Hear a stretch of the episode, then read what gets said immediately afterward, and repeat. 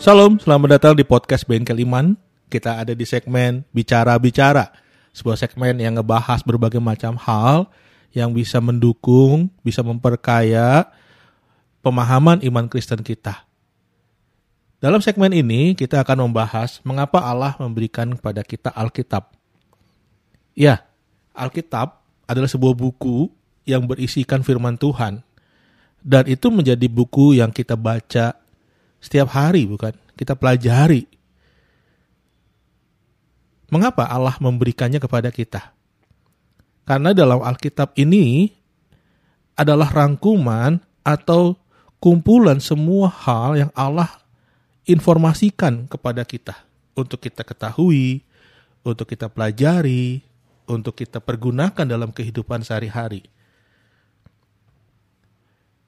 Kalau kita membaca dalam Ibrani 1 ayat 1 sampai 3, kita mengetahui bahwa Allah itu selalu ingin membangun komunikasi bersama dengan kita, umat ciptaannya. Yang telah diciptakan Allah di dalam gambar rupa dia. Komunikasi itu Allah lakukan baik secara langsung ketika dia bersama dengan Adam, bersama Abraham, bersama Musa, ataupun ketika dia melakukannya secara tidak langsung dengan mengutus nabi-nabi Tuhan untuk berbicara dan menyampaikan pesan-pesan firman Tuhan kepada bangsa Israel dan kepada kita umat Tuhan masa kini. Dan bersyukur kalau semua pesan-pesan itu kemudian bisa dalam bentuk tulisan dan diwariskan kepada kita sampai sekarang. Yang menarik adalah ketika Allah berkomunikasi bersama dengan manusia, Allah melakukannya di dalam bahasa manusia. Allah tidak memakai bahasa yang dipakai oleh dia dan bersama para malaikat. Allah tidak memakai bahasa yang asing bagi manusia, tapi Allah memakai bahasa yang dipergunakan oleh manusia. Sehingga pesan dia bisa dimengerti dan dipahami oleh kita. Itu menarik sekali bukan? Allah kita bukanlah Allah yang mengasingkan diri, Allah yang terpisah dari kita, tapi justru Allah yang mau bersama-sama dengan kita dan mau ngobrol, mau berbicara, mau berkomunikasi. Makanya kemudian kita patut bersyukur kalau Allah memberikan kepada kita Alkitab.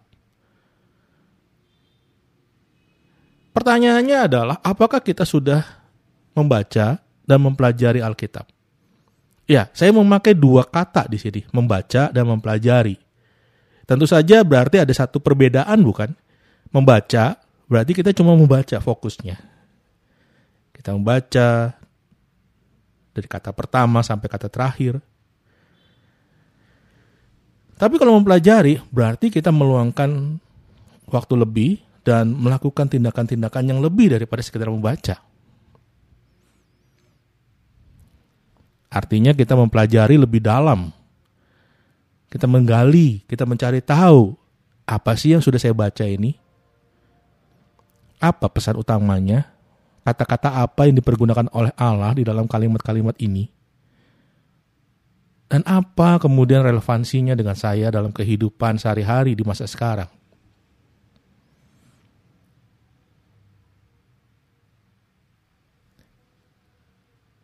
Pergumulan bagi kita adalah sudahkah kita melakukan kedua hal ini, membaca dan mempelajari Alkitab? Sudahkah kita membaca dari mulai kejadian 1 sampai kepada Wahyu pasal yang ke-22, bagian yang terakhir itu? Ada apa dengan kegiatan membaca dan mempelajari Alkitab ini?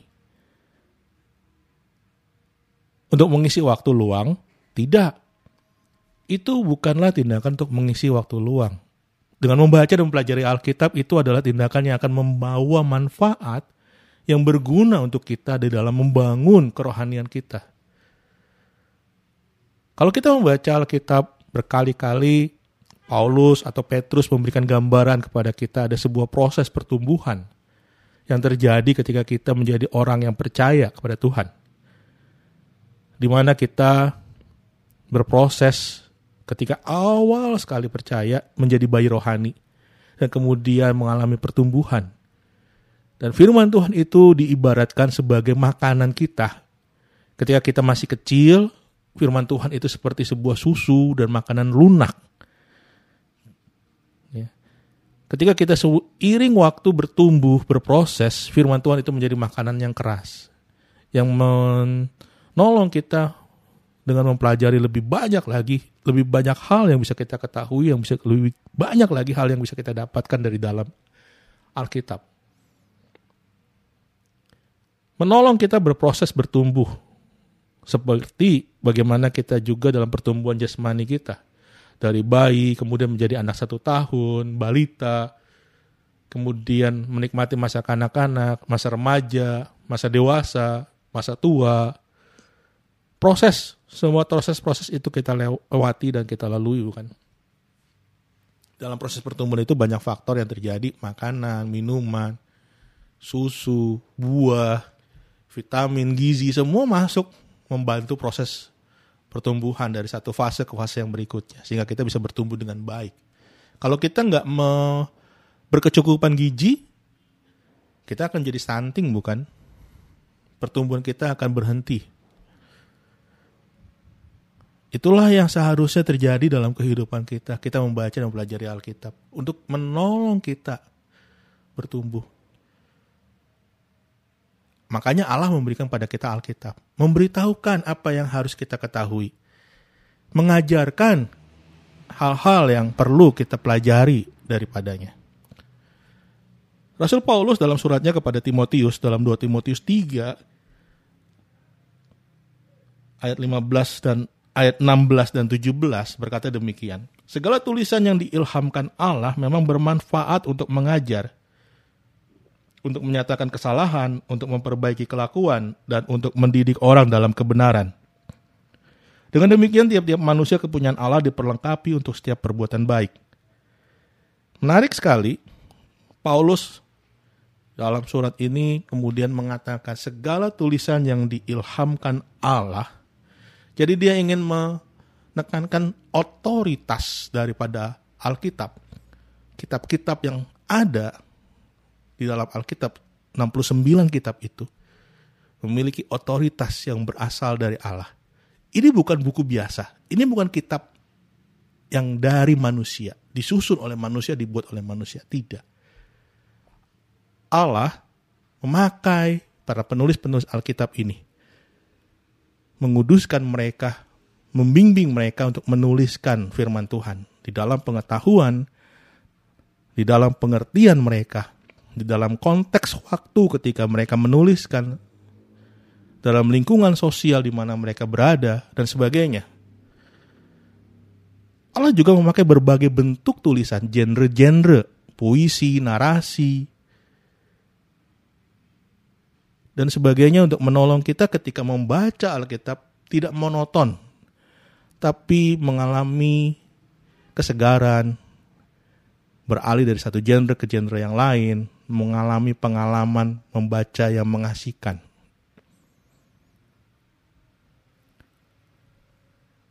Dan ketika kita membaca Alkitab dengan rutin, maka beberapa manfaat yang bisa kita dapatkan daripadanya. Yang pertama,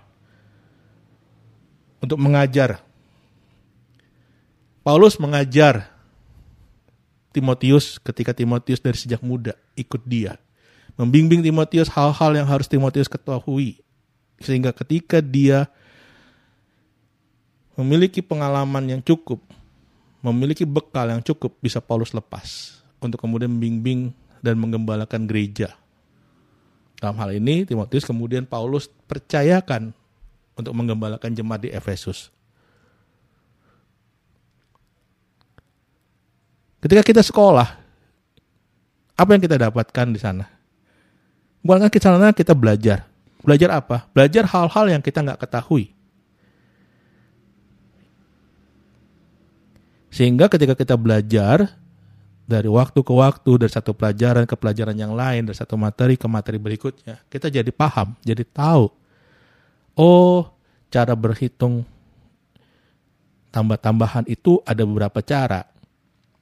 Ada model panjang, ada model pendek, oh sejarah yang terjadi di dalam kehidupan bangsa negara Indonesia itu seperti apa perjuangannya. Jadi kita paham bukan? Tadinya kita nggak tahu, tapi sekarang kita tahu.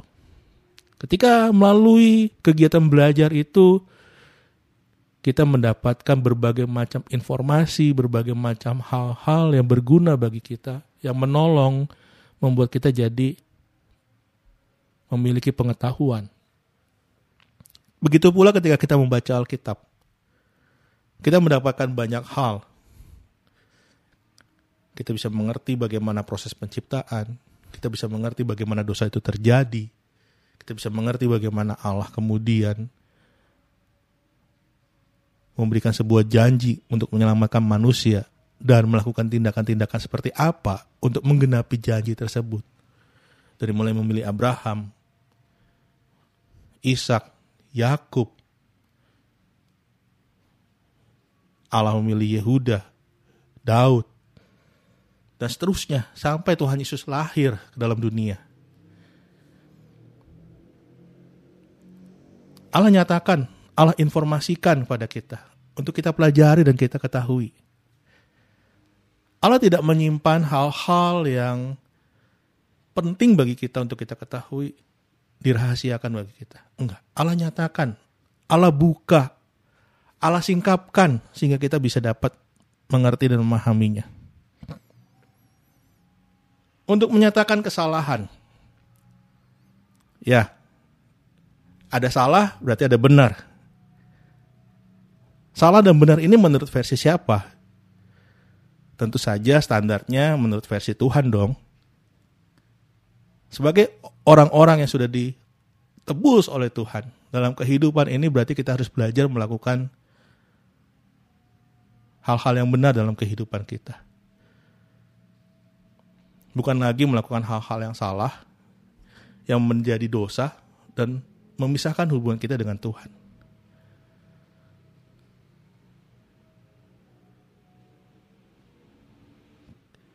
Ketika kita berbuat salah, kita diberitahu, kamu salah. Kesalahan kamu seperti ini. Ketika ada orang yang memberitahukan kesalahan kepada kita, kita patut bersyukur. Ada orang yang peduli, ada orang yang sayang sama kita. Begitu juga dengan Allah. Ketika Allah memberitahukan kesalahan kita, Allah melakukannya bukan untuk menghukum, bukan untuk membinasakan kita, untuk membenci kita, enggak. Tapi Allah mengasihi kita dan Ia ingin melakukan yang terbaik untuk kita. Sehingga Dia bisa memberitahukan apa yang salah dan kita dikoreksi untuk melakukan hal yang benar. Berikutnya untuk memperbaiki kelakuan, attitude sikap kita dalam sehari-hari. Ketika kita berelasi dengan orang tua kita, berelasi dengan anak-anak kita, berelasi dengan orang-orang di sekitar tempat kerja kita, pimpinan kita, bawahan kita, sesama rekan sekerja, rekan sepelayanan di dalam gereja dengan hamba Tuhan, dan lain sebagainya. Sikap-sikap yang seperti apa yang patutnya kita miliki dan kembangkan? Gaya hidup yang seperti apa yang mencerminkan kehidupan sebagai orang percaya yang merepresentasikan Tuhan. Allah nyatakan pada kita ketika kita membaca Alkitab. Tidak bersaksi dusta, tidak mabuk-mabukan, mengatakan kebenaran, berbuat kebaikan, dan sebagainya. Dengan membaca Alkitab kita juga mendapat manfaat berikutnya yaitu dididik di dalam kebenaran dididik oleh Allah di dalam kebenaran miliknya Tuhan, miliknya Allah sendiri kebenaran itu. Apa sih kebenaran itu? Kita mencari tahu dari dalam Alkitab. Kebenaran Allah yang sudah Allah berikan pada kita itu kebenarannya seperti apa yang perlu untuk kita miliki dan kita pelajari dan kita pakai dalam kehidupan sehari-hari kita. Karena itulah membaca Alkitab memberikan pada kita sebuah manfaat yang begitu banyak dan pada puncaknya menolong kita untuk memahami bahwa dengan membaca Alkitab, mempelajari Alkitab menolong kita untuk memahami bahwa kita ini adalah manusia kepunyaan Allah.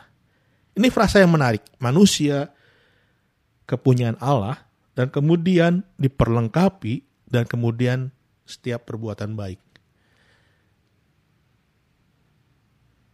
Jadi kita diingatkan oleh Paulus bahwa kita ini ketika kita ditebus bukan lagi menjadi milik diri kita sendiri. Seperti kita masih dalam dosa di mana kita suka-suka sendiri, senang-senang sendiri dan semua puas dilakukan untuk kepentingan diri kita sendiri. Tidak. Tapi diingatkan bahwa ketika kita sudah ditebus Tuhan, diperbaharui dalam Tuhan Yesus, kita menjadi milik kepunyaan Tuhan. Adapun hidupku kini bukan milikku lagi, tapi milik Kristus, kata Paulus. Dan itu dia ingin ingatkan kepada kita, orang-orang percaya, Hei orang percaya, engkau sudah menjadi milik Kristus. Engkau sudah ditebus. Dan engkau tidak berhak atas hidupmu. Dengan demikian kita menyadari dalam kehidupan kita sehari-hari, oh iya, saya memiliki sebuah status yang berbeda. Saya adalah milik Tuhan. Dan itu ditegaskan dengan sungguh-sungguh di dalam penebusan Kristus kepada kita. Dan kemudian ketika kita membaca Alkitab dan mempelajari Alkitab, bukan hanya mendapatkan manfaat diajar, dikoreksi, diperbaiki, dan kemudian dididik,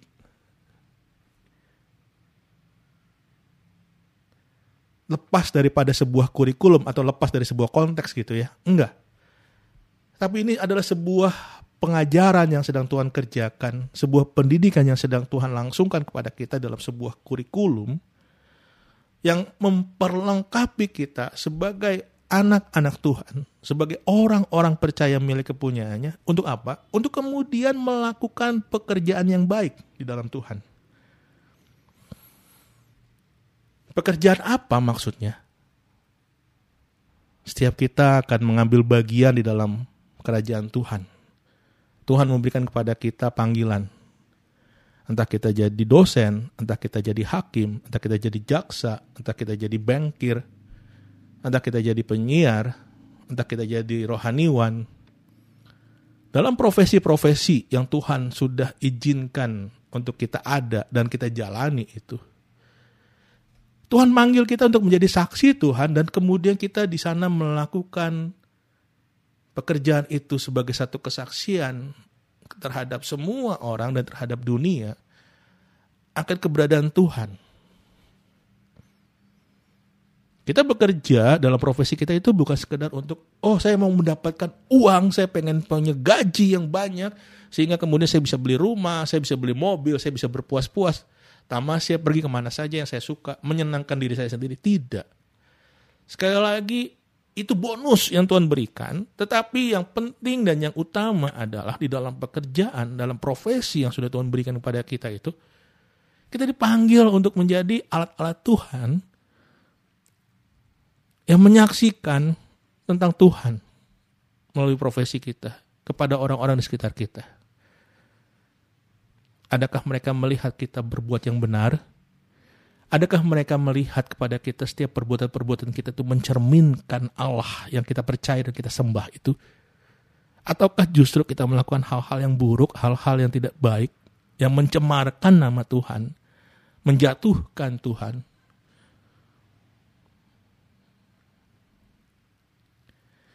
Inilah yang terjadi yang bisa kita dapatkan ketika kita membaca dan mempelajari Alkitab. Kita berkomunikasi bersama dengan Tuhan, dan kemudian Tuhan perlengkapi kita dan kita menjadi anak-anak Tuhan yang aktif bekerja di dalam setiap bagian yang sudah Tuhan percayakan pada kita. So, tantangannya bagi kita sekalian, maukah kita sekarang membaca dan mempelajari Alkitab itu? Dan mendapatkan manfaat dari dalamnya. Sehingga dengan demikian, tidak sia-sia Tuhan memberikan kepada kita firman-Nya yang telah tertulis di dalam Alkitab. Oke, sampai di sini untuk bicara-bicara kita hari ini dan kita lanjutkan dalam episode selanjutnya. Sampai jumpa.